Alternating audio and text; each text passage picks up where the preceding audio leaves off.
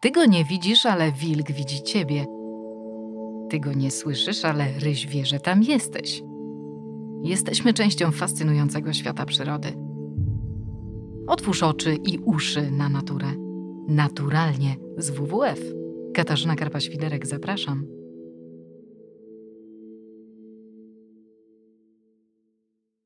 Oby najgorsze już było za nami. Wracamy do podróżowania. Teraz pytanie, jak to zrobić, by to podróżowanie nie szkodziło planecie? Jak uniknąć sytuacji, że za naszą przyjemnością kryje się cierpienie zwierząt lub ludzi, których miejsce do życia odwiedzimy? Prowadzenie dwóch kolejnych odcinków Naturalnie z WWF przekazuje Agnieszce Buzińskiej z WWF Polska, autorce kampanii wakacyjnej. Agnieszka, którą za chwilę Państwo usłyszą. WWF Polska zajmuje się ochroną gatunków zagranicznych, ale wcześniej przez wiele lat pracowała w branży turystycznej właśnie. Jest miłośniczką podróży, na koncie ma wiele z nich i masę doświadczeń, a szczególnie ważnym dla niej tematem jest etyczna turystyka. Podróżowanie, cóż, potrafi uszczęśliwiać, niech ktoś powie, że nie, ale turystyka to też sektor, który kryje w sobie bardzo wiele szarości. Odpowiedzi na kluczowe pytania często zresztą wcale nie są jednoznaczne. Agnieszko, witam Cię serdecznie. Cześć. Z kim nas poprowadzisz po temacie? Moją pierwszą gościnią będzie Agnieszka Lewandowska. Agnieszka jest geografką i autorką podróżniczego bloga Zwiedzaj cały świat. Zaprosiłam ją, bo ma 15-letnie doświadczenie w branży turystycznej, e, a jej pasją jest Afryka, choć obecnie przebywa w rodzinnej podróży po Meksyku, więc połączymy się dziś na naprawdę dużą odległość. Porozmawiam z Agnieszką o tym, czy wakacje w zgodzie z naturą są w ogóle możliwe, e, czy muszą kosztować nas więcej i czy nas Polaków już obecnie na takie wakacje stać. No powiem szczerze, że nie mogę się doczekać. Zamieniam się w słuch.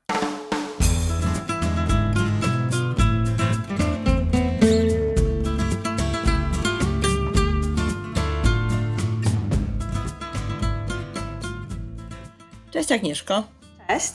Słuchaj, zaprosiliśmy Cię dzisiaj do podcastu nie bez przyczyny, bo w turystyce masz ogromne doświadczenie, a tematem naszej kampanii wakacyjnej jest to, jak podróżować świadomie i etycznie, tak żeby ta szkoda dla środowiska była jak najmniejsza.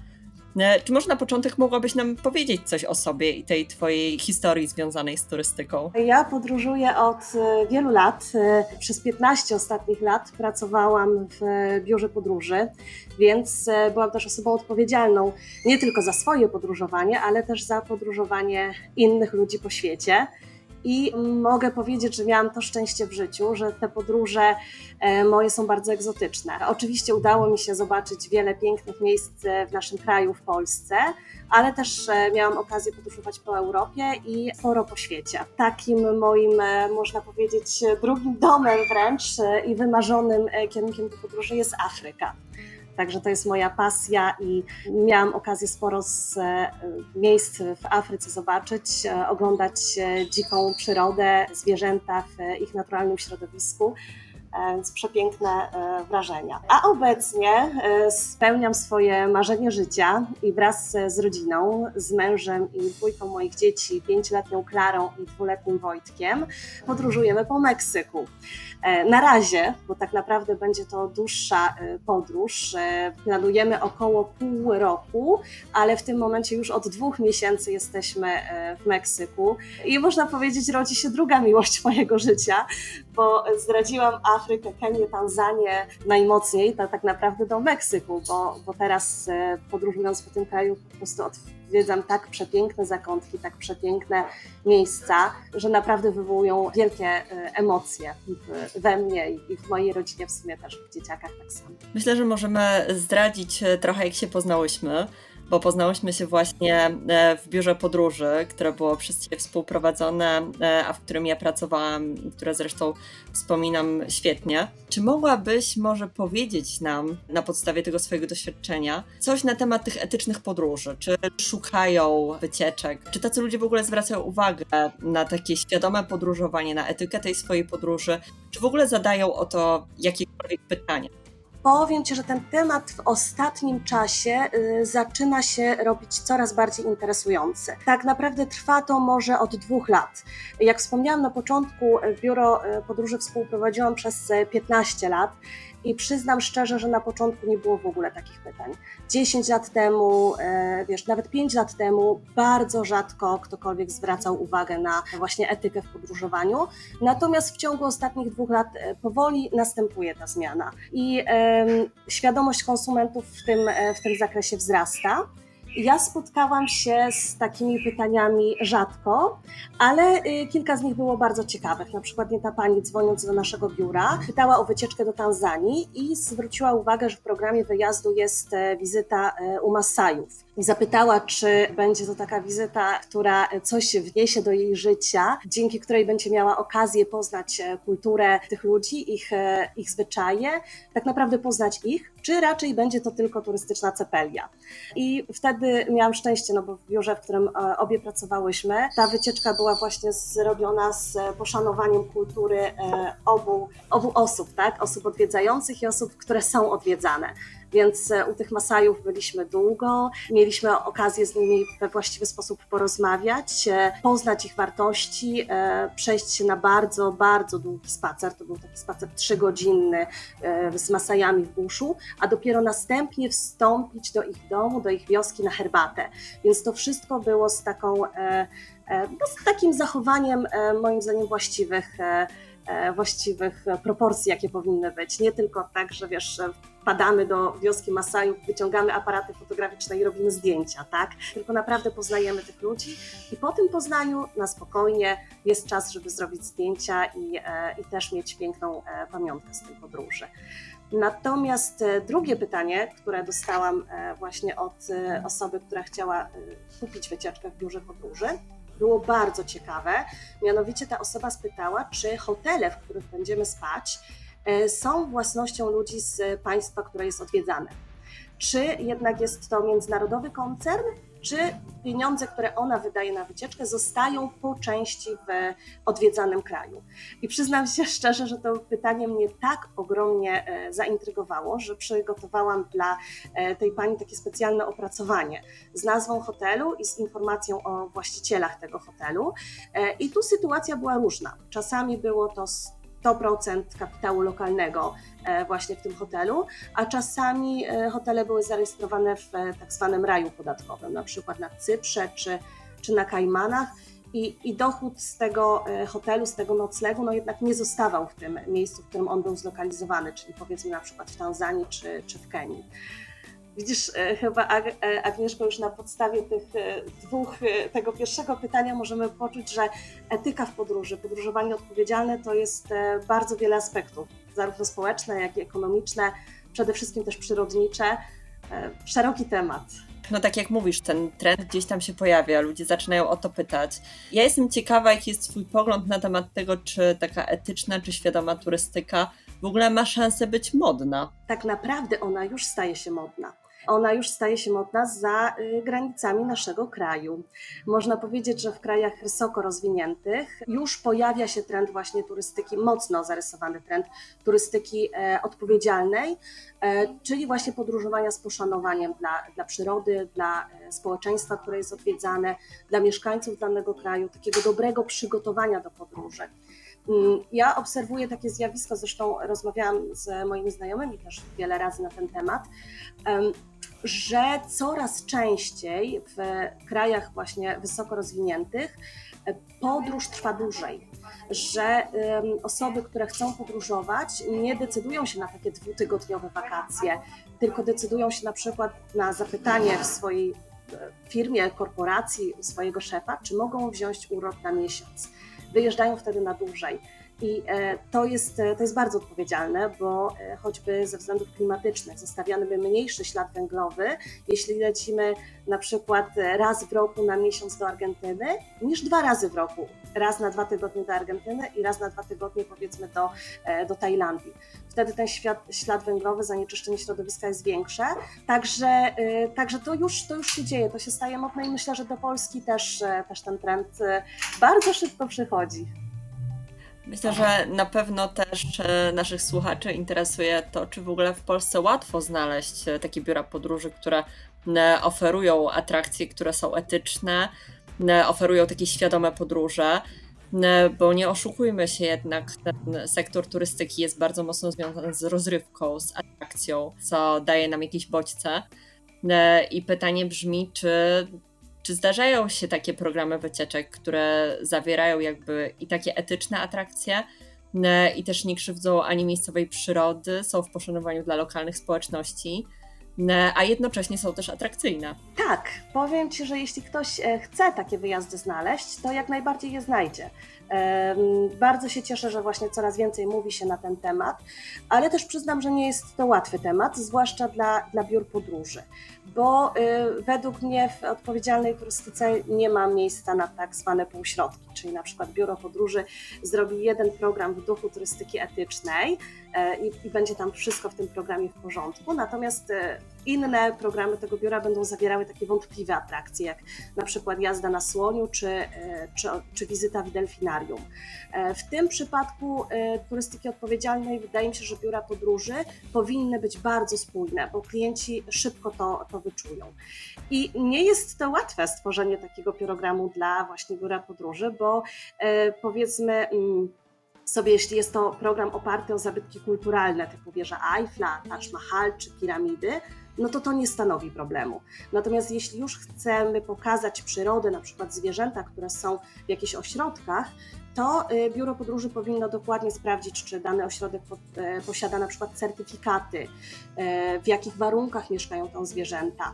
Najlepiej, żeby to sprawdzić samodzielnie. Są często organizowane takie wyjazdy, podróże inspekcyjne gdzie e, powiedzmy właśnie pracownicy biura podróży jadą sprawdzić te miejsca, wybierają i, e, i to jest w sumie najlepsze e, z punktu widzenia później turysty, bo takie miejsce jest naprawdę dokładnie zbadane, sprawdzone, to jest, to jest bardzo ważne. Hotele też, na przykład hotele, które wybiera biuro podróży, też powinny być sprawdzone pod kątem zużywania plastiku, pod kątem tego, czy wprowadzają właśnie chociaż e, jakieś minimalne tutaj ograniczenia w tej kwestii, czyli że podążają za tym trendem.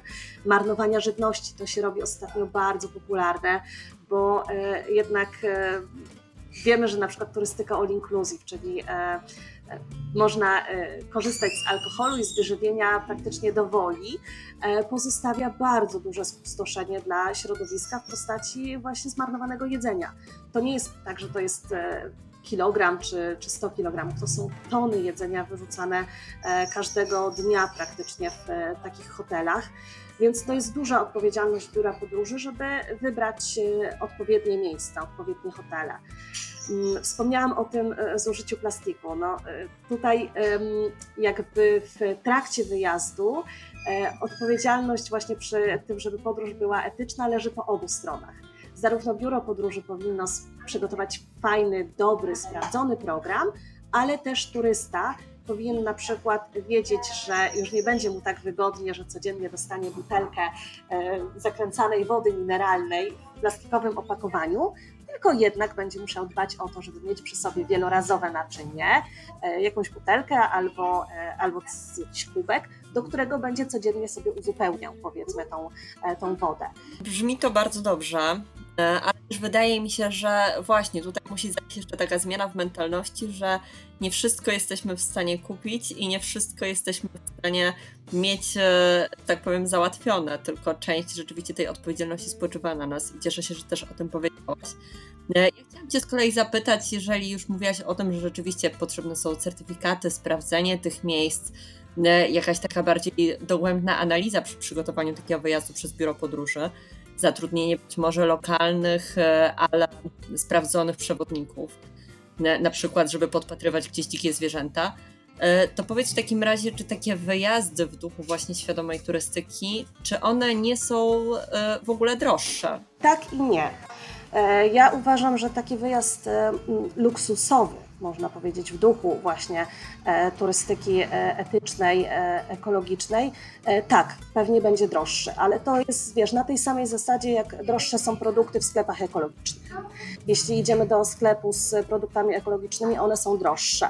E, tak samo posiłki w restauracjach. Jeśli e, korzystamy z restauracji, która mm, ma tylko żywność dostarczaną z ekologicznych gospodarstw, to też jest droższe. Ale to nie są aż takie duże, e, duże różnice.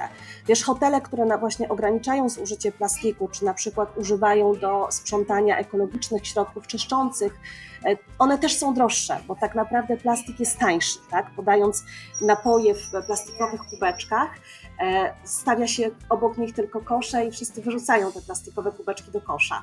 Ale jeśli chcemy podać e, w szklanych naczyniach, takich wielorazowych, to trzeba zatrudnić ludzi do, e, do tego, żeby odbierać takie naczynia, do tego, żeby później je umyć, więc troszkę to droższe jest. Natomiast turystyka etyczna, odpowiedzialna to, to nie są tylko hotele, resorty, ale to też taki ogromny kontakt z naturą. Więc czasem zrezygnowanie z wyjazdu z zagranicy na, e, na korzyść wyjazdu w kraju. Czasem bywa tak, że właśnie e, wtedy jest taniej, tak? bo chcemy podróżować ekologicznie, nie lecimy za granicę, nie wybieramy środku transportu samolotem, tylko podróżujemy na przykład e, koleją, tak, jedziemy nad morze pociągiem wtedy jest i ekologicznej, i, e, i taniej.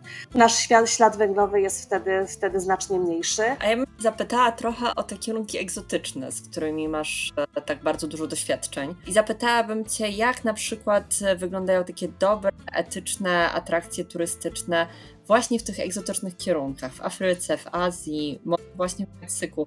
Gdybyś mogła podać po takim jednym czy dwóch dobrych przykładach i związanych z lokalnymi społecznościami, i związanych z obserwowaniem dzikiej przyrody. Dla mnie chyba najlepszym i najpiękniejszym e, przykładem e, takiego miejsca stworzonego z e, poszanowaniem lokalnej przyrody jest Fundacja Celtic Wildlife w Nairobi w Kenii. Jest to sierotiniec dla słoni. Ja mogę powiedzieć, że to jest jedyne takie miejsce na świecie, z którego słonie, małe słonie, które są opuszczone przez, e, przez swoich rodziców, których rodzice często matki, e, matki są zabijane tak, przez psowników. Małe słonie wychowują się w tym ośrodku i trafiają na wolność. Jedyne miejsce na świecie, z którego tak naprawdę dzikie zwierzęta są wychowane w taki sposób, że mogą później trafić na wolność. I odwiedzenie tego ośrodka jest po prostu niesamowitym przeżyciem. Można go odwiedzić tylko przez jedną godzinę dziennie, od godziny 11 do 12. E, można wejść na teren ośrodka i e, podziwiać malutkie słoniki, które wychodzą ze swoimi opiekunami na e, spacer.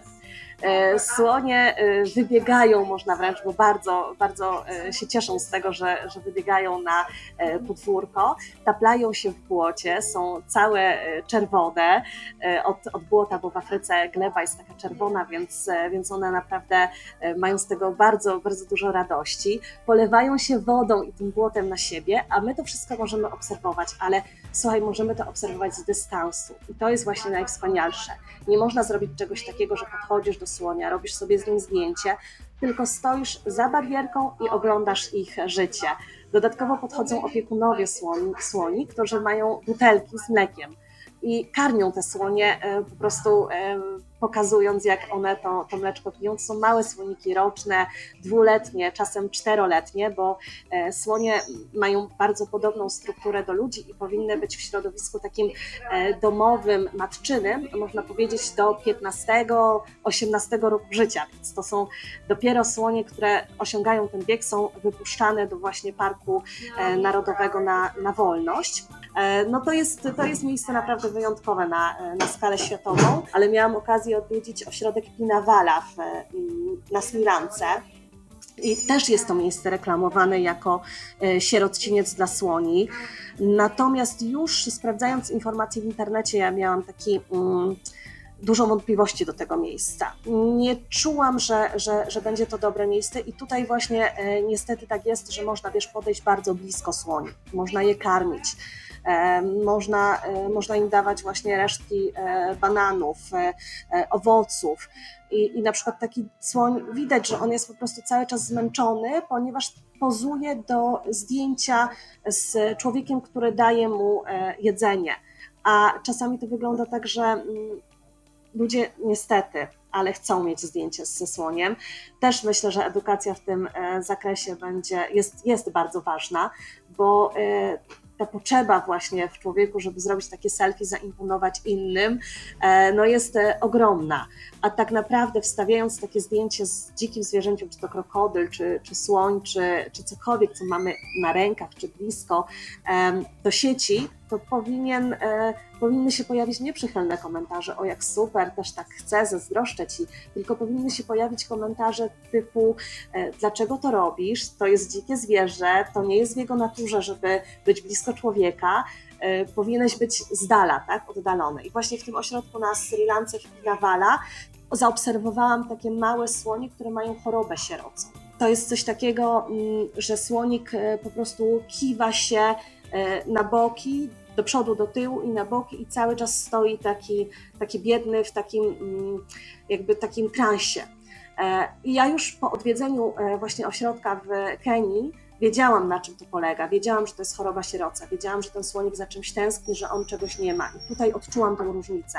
Wiesz, że, że właśnie e, jak ośrodek jest dobrze, dobrze prowadzony, to, e, to nie ma tam takich słoni. A na Sri Lance, w tym ośrodku Pinawala, widziałam kilka takich słoni. I to był wtedy też taki moment, że, że wiedziałam, że już nie chcę e, tego typu miejsc oglądać. Najlepsze w ogóle jest możliwość zobaczenia zwierząt e, po prostu w naturalnym środowisku. Takie miejsca, parki narodowe, w których można oglądać słonie są na Sri Lance, są oczywiście rozsiane po całej Afryce, czy w Kenii, Tanzanii, w Namibii. Jest pełno takich miejsc i to jest, to jest tak naprawdę najpiękniejsze najważniejsze i nie powinniśmy chyba walczyć o, o to, żeby sobie zrobić zdjęcie z, z, dzikim, e, z dzikim zwierzęciem, tylko właśnie o to, żeby zobaczyć je w jego naturalnym środowisku. A powiedz, jak to wygląda w przypadku lokalnych społeczności, czyli na przykład e, wizyty u jakichś konkretnych grup etnicznych? Jakie są takie dobre praktyki, e, a jak przykłady są właśnie takimi antyprzykładami? Tutaj kluczowym słowem jest czas żeby odwiedzić e, grupy etniczne, właśnie lokalnych mieszkańców e, w ich, e, w ich domach, w ich siedliskach, to tak naprawdę trzeba, trzeba na to mieć czas. To nie jest tak, że można przyjechać na godzinę. Często tak robią biura, biura podróży, że wizyta u Masajów trwa po prostu godzinę, półtorej. Jest to powitanie w formie tańców, a później szybkie zrobienie zdjęć, oglądnięcie chaty i, i, i do, już, już koniec, tak? Wtedy mm, ja mam takie wrażenie i mam takie odczucie, że zarówno e, u osób, które e, odwiedzają to miejsce, jak i osób właśnie odwiedzanych, to jest po prostu czysta e, praca, obowiązek, właśnie zrobienie zdjęcia, nic więcej. Natomiast wystarczy dodać tak naprawdę trzy godziny do tego, tak? I, i poświęcić tym ludziom trochę czasu. Wejść do ich wioski na spokojnie. Ja zawsze, jak prowadziłam właśnie wyjazdy do, do do lokalnych grup, to y, prosiłam turystów y, o to, żeby najpierw schować aparaty fotograficzne. Słuchaj, mówiłam tak, y, zostawcie wszystko w autokarze albo w plecaku, wysiądźcie i przywitajcie się. Podajcie rękę, zaobserwujcie tych ludzi na początku, a nie zaczynajcie robić sobie z nimi zdjęcia. Tak? Jakby, to, jest, to jest taki moment, że wystarczy te pół godziny na schowanego aparatu i zaczyna się dziać magia zaczyna się po prostu e, robić coś takiego, że kobieta masajka podchodzi właśnie do, e, do, do, do gościa, który jest gościem na wycieczce i ogląda na przykład biżuterię drugiej kobiety. Zwraca uwagę, o jaką masz piękną bransoletkę, masz piękny naszyjnik, zaczyna się, wiesz, rozmowa, jak masz na imię, ja mam na imię Małgorzata, ja mam na imię Serena i, e, i po prostu później, po tej pół godziny robisz sobie już zdjęcie z Sereną, a nie z e, Masajką, która po prostu jest, jest wiesz, dla ciebie produktem, tylko robisz sobie zdjęcie z człowiekiem. Wiadomo, że tutaj oczywiście za, za zdjęcia, za wizytę, za bycie wśród, wśród tych ludzi się płaci i oni w ten sposób zarabiają i to jest wspaniałe, ale dla nich też wizyta właśnie zwykłych turystów, którzy przyjeżdżają na moment, różni się od e, wizyty takich ludzi, którzy zostaną na chwilę dłużej. E, ja zawsze starałam się, żeby e, właśnie powiedzmy u Masajów, czy nawet w mm, plemienia Himba w Namibii odbyć na przykład spacer z tymi ludźmi, żeby to trwało chociaż godzinę taki spacer. Oni wtedy opowiadają na przykład o, o drzewach, które rosną w ich, w ich terenie i pokazują, że na przykład to drzewo jest szczoteczką do zębów, a to drzewo jest naszym lekarstwem. I, i to jest piękne. Wtedy wystarczy chwilę dłużej wysłuchać takiej opowieści i już jest to dużo ciekawsze niż, niż po prostu zrobienie zdjęć. Ważną rzeczą też jest nie bać się próbować E, niektórzy mają e, opory przed e, spróbowaniem jakiejś herbaty u Masajów na przykład, że będą mieć problemy żołądkowe, a często to właśnie po jedzeniu all inclusive w hotelu są problemy żołądkowe, a herbata u Masajów jest wręcz lekarstwem na to, tak? To jest długo gotowana woda na ognisku, na palenisku, która po prostu wręcz wrze od kilku godzin i, i naprawdę ona jest praktycznie w 100% czysta i e, można tą herbatę spróbować, a jaką niesamowitą robi też e, jakie, jak niesamowite otwiera takie doświadczenie też właśnie e, kontakty z lokalnymi ludźmi. Od razu oni się zaczynają uśmiechać, jeśli ktoś tej herbaty spróbuje, e, już zupełnie inne relacje się nawiązują.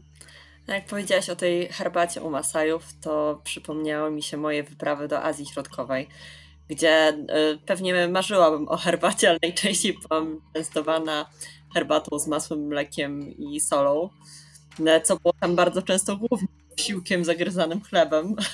Więc e, też no, e, czułam się w obowiązku przyjąć tę gościnność i, i, korzystać. Okazało się, że człowiek się nawet może do tego przyzwyczaić. Z kolei w Kirgistanie bardzo często podczas takich rozmów z poznanymi Kirgizami i takich spotkań w ich jurtach z kolei też wspominam fermentowane końskie mleko, czyli kumes od którego podobno siły przybywa, ale też się najpierw trzeba przełamać, więc z tym próbowaniem zgadzam się z tobą, że warto, choć czasem jest to dużo trudniejsze, myślę, niż w przypadku nawet takiej masajskiej herbaty. Czasami wystarczy ten kubek podnieść do góry e, i tylko e, pokazać, że się próbuje i już jest uśmiech na twarzy, a ty tak naprawdę odstawisz sobie go gdzieś spokój i też będzie ok, tak? A nie od razu odrzucać i mówić nie, nie, nie, ja na pewno tego nie wypiję. A ja bym chciała trochę zejść może z tych takich e, egzotycznych ścieżek i wrócić trochę bliżej naszego podwórka, dlatego że po pandemii, jak wiadomo, pewnie nie wszystkie kierunki się otworzą od razu, będziemy pewnie częściej podróżować bliżej, być może po Europie. E, powiedz mi, czy masz jakieś takie doświadczenia, czy przychodzą ci do głowy jakieś takie nieetyczne atrakcje, których warto unikać, tylko w egzotycznych krajach, ale w samej Europie. Takie rzeczy, które się zdarzają nagminnie, takie, które są częste i od których może warto jednak trzymać się z daleka na wakacjach. Wiesz co, tak, oczywiście. Już na pierwszy, e, pierwszy ogień rzucam delfinaria, których, e, których ciągle w Europie jest sporo, e, w południowej. I E, I to jest, e, to jest miejsce, których zdecydowanie należy unikać. E, zresztą zaczyna się robić taki już trend na świecie, że delfinaria są zamykane. Na przykład w Kanadzie zamknięto wszystkie delfinaria. Znaczy nie dokładnie zamknięto, ale ustalono datę ich zamknięcia chyba za około 5 lat po to tylko, żeby te osobniki, które są w tym momencie w delfinariach jeszcze tam były, no bo one nie mogą e, być, e, być gdzie indziej. Natomiast za 5 lat w Kanadzie nie będzie już e, żadnych delfinariów. No bo tak naprawdę turyści, którzy odwiedzają delfinaria, to, to nie mają pojęcia, że pod uśmiechem tego delfina w parku rozrywki skrywa się tak naprawdę osobnik, który cudem przeżył to, co się stało, jak wypłaszali go z oceanu. Często do oceanu została najpierw wrzucona bomba, żeby e, złapać takiego delfina. Potem było to, był on skrępowany siatką, a następnie przez e, wiele e, nawet miesięcy był głodzony i izolowany, żeby tylko się nauczyć sztuczek, za które potem go będzie oklaskiwała publiczność. Nie zawsze tak było. Czasem oczywiście są to zwierzęta, które, e, które już były urodzone w niewoli, e, albo, e, albo jakieś zwierzęta, które, które miały problemy, też były osierocone i też są w delfinarium, co nie zmienia faktu, że takie sytuacje, jak wspomniałam, okrutne miały, miały miejsce. Mm, no i, e, i delfiny w ogóle w zamknięciu, no to, e, to są zupełnie inne delfiny, no bo e, tak naprawdę są to zwierzęta, które tak jak słonie kochają przestrzeń, kochają wolność, potrafią, słuchaj, zrobić nawet 150 km dziennie pływając w takim otwartym terenie, a no, ciężko sobie wyobrazić, żeby nawet w 100-metrowym czy, czy nawet 200-metrowym basenie delfin mógł przepłynąć taki dystans. No jest, to, jest to niemożliwe. Swobodne właśnie pływanie dla, delfinów w delfinarium no nie jest możliwe i te zwierzęta cierpią w niewoli. One są wręcz, tych pokazów na przykład w delfinarium z delfinami jest kilka, więc one są przymuszane do tego, żeby wykonywać te akrobacje kilka, kilkanaście razy dziennie. E, w niektórych e, to już, to już jest e, wręcz naprawdę okrutne, no bo w niektórych hotelach, w niektórych resortach są właśnie takie parki rozrywki, gdzie można wręcz pływać z delfinami w basenie. Można je głaskać, przytulać, dotykać. A takie traktowanie delfinów prowadzi do chorób psychicznych. Więc nie wiem, czy, czy słyszałaś o tym, ale pewnie, pewnie tak, bo o tym się też mówiło, że delfiny mm, są w stanie nawet popełnić samobójstwo. Ja słyszałam o kilku takich przypadkach, że, że delfin po prostu albo wstrzymał e, oddech i nie wyskoczył na, na powierzchnię, e, żeby, żeby po prostu już tego wszystkiego nie przeżywać. E, też ja po prostu uważam, że wszelkie atrakcje, które, w których jest możliwość dotykania zwierząt, to są, to są atrakcje złe. Także powinniśmy odróżnić atrakcje, y, powinniśmy odróżnić zwierzęta dzikie od zwierząt domowych. Zdecydowanie. E, I na przykład, y, jeśli jest możliwość dotykania e, w jakimkolwiek y, ośrodku zoo, tak, w Europie, e, zrobienia sobie zdjęcia z lwem czy, czy z lampartem, no to, to, to, to, to nie jest dobry ośrodek tak. Niestety, no ja mogę dodać, że nie wiem czy wiesz, ale około 1600 e, osobników e, tygrysów jest przetrzymywanych w niewoli w samej Europie. W ogóle tygrysów w niewoli jest e, niestety na świecie więcej niż takich dziko żyjących. I wciąż jakby są problemy z tym związane. Wciąż te tygrysy pojawiają się w cyrkach, wciąż pojawiają się w ośrodkach, w których można właśnie je głaskać, karmić. E, I niestety też najczęściej dotyczy to tych e, małych tygrysiątek, które są najbardziej urocze, takich mniej więcej do pierwszego roku życia. A później, kiedy one dorastają, to niestety stają się problemem i ich wartość jest już wyższa, jeżeli są martwe, bo można je wtedy sprzedać na części na rynki azjatyckie, a nie, nie czerpie się już z nich dochodu.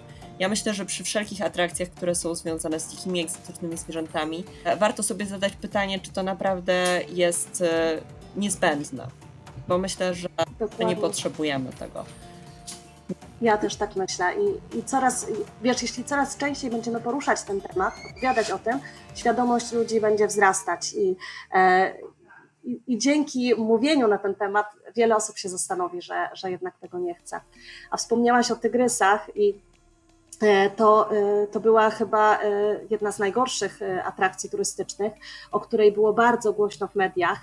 I, I tak naprawdę to chyba wpłynęło najmocniej na y, coraz częściej poruszany temat takiego odwiedzania ośrodków e, adopcyjnych dla dzikich zwierząt i to też wpłynęło na ten temat, e, że ten temat jest bardziej popularny. Mam na myśli świątynię tygrysów Kanchanaburi w Tajlandii, która została zamknięta w 2016 roku, więc już 5 e, lat od, od tego momentu mija. Świątynia została zamknięta dopiero po interwencji tajskiej policji, bo w tym miejscu właśnie można sobie było zrobić zdjęcie z tygrysem, można było pójść z nim na spacer, można było go karmić. E, I tak naprawdę dopiero w pewnym momencie obudziła się czujność e, ludzi, że coś jest nie tak. Te wszystkie tygrysy w Kanchanaburi były pod wpływem środków odurzających. E, one były non-stop otaczane przez właśnie turystów. Tygrys polował do zdjęcia, ale tylko dlatego, że bał się kary, bał się tego, że, że będzie bity. W tym ośrodku właśnie, to był w ogóle ośrodek prowadzony przez mnichów więc to też uśpiło czujność chyba opinii publicznej, że przez tyle lat, bo ta świątynia działała przez, e, przez prawie tam 12 lat, więc e, chyba czujność opinii publicznej było to też uśpione, bo mnisi zupełnie się nie kojarzą z e, czymś, że, że mogliby do tego dopuścić, że, że takie męczarnie, męczarnie przeżywają tam zwierzęta. Natomiast ja słyszałam, że tajska policja E, prowadzi e, nawet dochodzenie jeszcze w dalszym ciągu, bo mnisi też byli zaangażowani w ogóle w handel dzikimi zwierzętami, właśnie mnisi, którzy prowadzili ten ośrodek. Więc to był chyba taki przełomowy. Wydaje mi się, że zamknięcie Kanchanaburi e, było takim przełomowym momentem dla, dlatego że obudziła się świadomość społeczna i ludzie zaczęli mówić o tym. Coraz więcej artykułów pojawiało się właśnie na temat takich ośrodków. To prawda, chyba na liście takich sztandarowych, negatywnych przykładów, nie, te turystyki mhm. rzeczywiście znajduje się ta świątynia. E, a ja, Agnieszka, chciałabym Cię zapytać e, teraz trochę może o taką prywatę związaną z Twoją podróżą. Powiedziałaś nam, że podróż teraz z rodziną i dwójką małych dzieci. E, I powiedz, jak sobie radzisz z sytuacjami, w których e, no, trzeba dzieciom jakiejś atrakcji odmówić, bo uważasz ją za nieetyczną? Jak to dzieciom wytłumaczyć? Czy to jest trudne powiedzieć dziecku, że na przykład no, nie pojeździsz na słoniu albo nie zobaczysz, jak e, pan wkłada głowę krokodylowi paszczy? Bo, bo myślę, że to może być dla dziecka trudne do zrozumienia. Czy jest wprost przeciwnie? To wcale nie jest tak trudno wytłumaczyć, bo dzieci są ogromnie wrażliwe. One po prostu e, kochają zwierzęta, kochają zwierzęta, kochają na nie patrzeć, więc jak tylko słyszą albo widzą, że jakiemuś zwierzęciu dzieje się krzywda, e, to, to budzi się w nich ogromna wrażliwość i moja pięcioletnia Klara, wiesz, zadaje mi dużo pytań i na przykład ja się mocno starałam jej e, wiele razy opowiedzieć o tym, że nie wolno dotykać dzikich zwierząt, e, i ostatnio mieliśmy taką e, ogromną przyjemność, to było super doświadczenie dla nas, że wypuszczaliśmy do wody dopiero co wyklute żółwie, takie malutkie. E, I Klara miała bardzo ochotę brać to żółwie do ręki. Praktycznie no, cały czas stała przy, przy tych żółwiach, cały czas chciała je wziąć. I ja ją bardzo musiałam powstrzymywać. E, musiałam cały czas tylko mówiłam, nie dotykaj, Klaruniu, proszę, Klaruniu, zostaw, tak? No ale później, już po, po tym momencie, usiadłam z nią.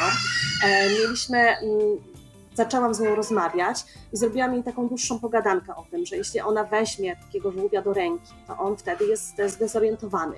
Zaczyna machać rączkami, nóżkami, chce znaleźć stałe oparcie, tak? chce szybko poczuć ląd. I wydaje mi się, że, że ona zrozumiała, tak? Później już wiele razy poruszała ten temat, mówiła właśnie mamo, a żółwie to mają tak, mamo, a żółwie to, to uważają coś takiego. I właśnie y, starałam się jej wytłumaczyć to, y, to, to, że tak nie wolno. I, I, to był taki przykład, że później jej zaczęłam opowiadać o krokodylach, że też ich nie wolno brać na ręce, bo też w Meksyku są ośrodki, gdzie, gdzie możesz wziąć na rękę małego, małego krokodyla. Też opowiadamy jej właśnie o tym, że, że nie wolno dotykać e, tygrysów, e, e, nie wolno dotykać gepardów. To, to w sumie jest ważne, ale wiesz co, wracając jeszcze właśnie do, do tych żółwi, to, to, to, to, to jest niesamowite, bo mm, w Meksyku robią to właśnie w bardzo etyczny sposób, przynajmniej w tym miejscu, w którym my byliśmy, to żółwie Dlatego są w ogóle wypuszczane do e, oceanu e, przez człowieka, przez wolontariuszy, a nie tak samoczynnie wychodzą, e, dlatego że zagraża, jają żółwi zagraża wiele czynników zewnętrznych. Żółwice wychodzą z oceanu, składają jaja na brzegu, brzegu oceanu i opuszczają te jaja i one potem same dojrzewają, same się wykluwają żółwie i wracają do oceanu. I niestety coraz częściej jest tak, że to ptaki na przykład zabierają te jaja, czy, yy, czy też ludzie napotykając na coś takiego nie wiedzą, co to jest i też nie, nie specjalnie, ale zniszczą takie jaja. Więc yy, wolontariusze w Meksyku stwarzają takie miejsce i różne ośrodki stwarzają takie miejsce, gdzie te jaja się spokojnie wykluwają i w dniu, w którym powiedzmy po dwóch miesiącach, w dniu, w którym się wyklują, od razu w tym samym dniu są wypuszczane do oceanu. E, spokojnie wieczorem, to musi być wieczorowa pora, mm, bo wtedy ocean jest e, e, może też spokojniejszy, ale wtedy nie ma tak dużo ptaków, bo to też jest ważne, żeby taki mały żółwik znalazł sam drogę do oceanu, żeby nie został zabrany przez ptaka. I właśnie my mieliśmy taką okazję te, te żółwie obserwować. Pani właśnie nie pozwoliła nam ich dotykać, wręcz to my tylko oglądaliśmy, jak wolontariusz wypuszcza te żółwie. Ja przyznaję, że na waszym kanale Zwiedzaj Cały Świat oglądałam te relacje z wypuszczenia żółwi. Chwyciła mnie ona za serce całkowicie, ale też obserwując te wasze relacje i to, jak opisujesz e, tę waszą rodzinną przygodę, można odnieść wrażenie, że dla dzieci to nie ma znaczenia, czy to jest dzikie zwierzę, czy to jest e, zwierzę jakieś domowe, czy to jest kura, czy to jest kot, czy pies, to się liczy właściwie tak samo. Więc e, czy nie jest tak, że może jakby obecność tych zwierząt domowych, czy pogłaskanie gdzieś tam kury, czy kota na osiedlu jest dla dziecka równą atrakcją, jakby było e, dotknięcie jakiegoś egzotycznego zwierzęcia? Dokładnie tak. Dokładnie tak jest. To jest po prostu strzał w dziesiątkę, słuchaj. Dla nas nie było, nie było różnicy, czy oglądamy właśnie te żółwie, czy zatrzymujemy się przy miejscu, gdzie są kozy i, i kury. Radość, piski, krzyki były dokładnie takie same. A jak zobaczyły małe kurczaczki, dzieciaki, e, w, właśnie w kurniku, no to była taka radość, jak widziały małe żółwie. Tak? Nie, było, nie było różnicy. Słuchaj, to ja bym Cię jeszcze zapytała, może tak na sam koniec już podsumowując tę naszą bardzo ciekawą rozmowę, e, jakbyś mogła powiedzieć, w jaki sposób Ty wybierasz takie etyczne atrakcje? Co sprawdzasz, nad czym się zastanawiasz, jak dokonujesz takiego wyboru podczas swoich podróży? Przygotowując się do wyjazdu, ja po prostu e, dokładnie czytam, sprawdzam e, informacje i to nie tylko źródła w social mediach, ale też e, staram się sięgnąć do artykułów naukowych e, o danym kraju, o ośrodkach, które będę chciała zobaczyć, e, o tym, e, jakie zwierzęta właśnie występują na, na terenie danego kraju. Sprawdzam, sprawdzam, sprawdzam, jeszcze raz sprawdzam i czytam, żeby mieć pewność, że odwiedzam, odwiedzam dobry dobry pod tym kątem ośrodek, ale wiesz co, taka jedna z rzeczy, która mnie się e, nasuwa, to wybranie dobrego ośrodka jest o tyle łatwiejsze, jeśli się sprawdzi, że ten ośrodek wykonuje działalność badawczą.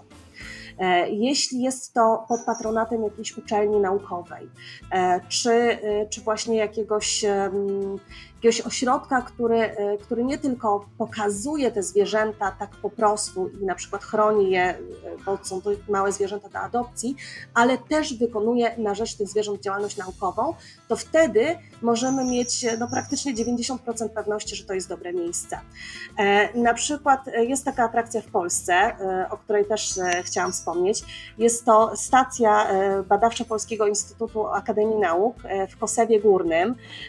Jest to na Mazurach w województwie warmińsko-mazurskim i e, na terenie tej e, placówki są e, stada zwierząt jeleniowatych. Myśmy mieli okazję je odwiedzić. Są tam jelenie szlachetne, daniele europejskie i jelenie sika. I ta stacja właśnie prowadzi naukowo, naukowo-edukacyjną działalność. My mieliśmy tam okazję odbyć, wiesz, półtorej godzinny spacer z dziećmi, w trakcie którego się pokonuje prawie dwa kilometry można oglądać wszystkie właśnie jelenie, sarny, nie można ich dotykać, można je oglądać z daleka. Są niesamowici przewodnicy, którzy opowiadają właśnie e, o tych zwierzętach. E, I, i to, jest, to jest clue. Jeśli ten ośrodek e, bada te zwierzęta, sprawdza ich populację, sprawdza ich rozwój i publikuje na ten temat artykuły takie naukowe, to z reguły taka wizyta w tym ośrodku jest dobra.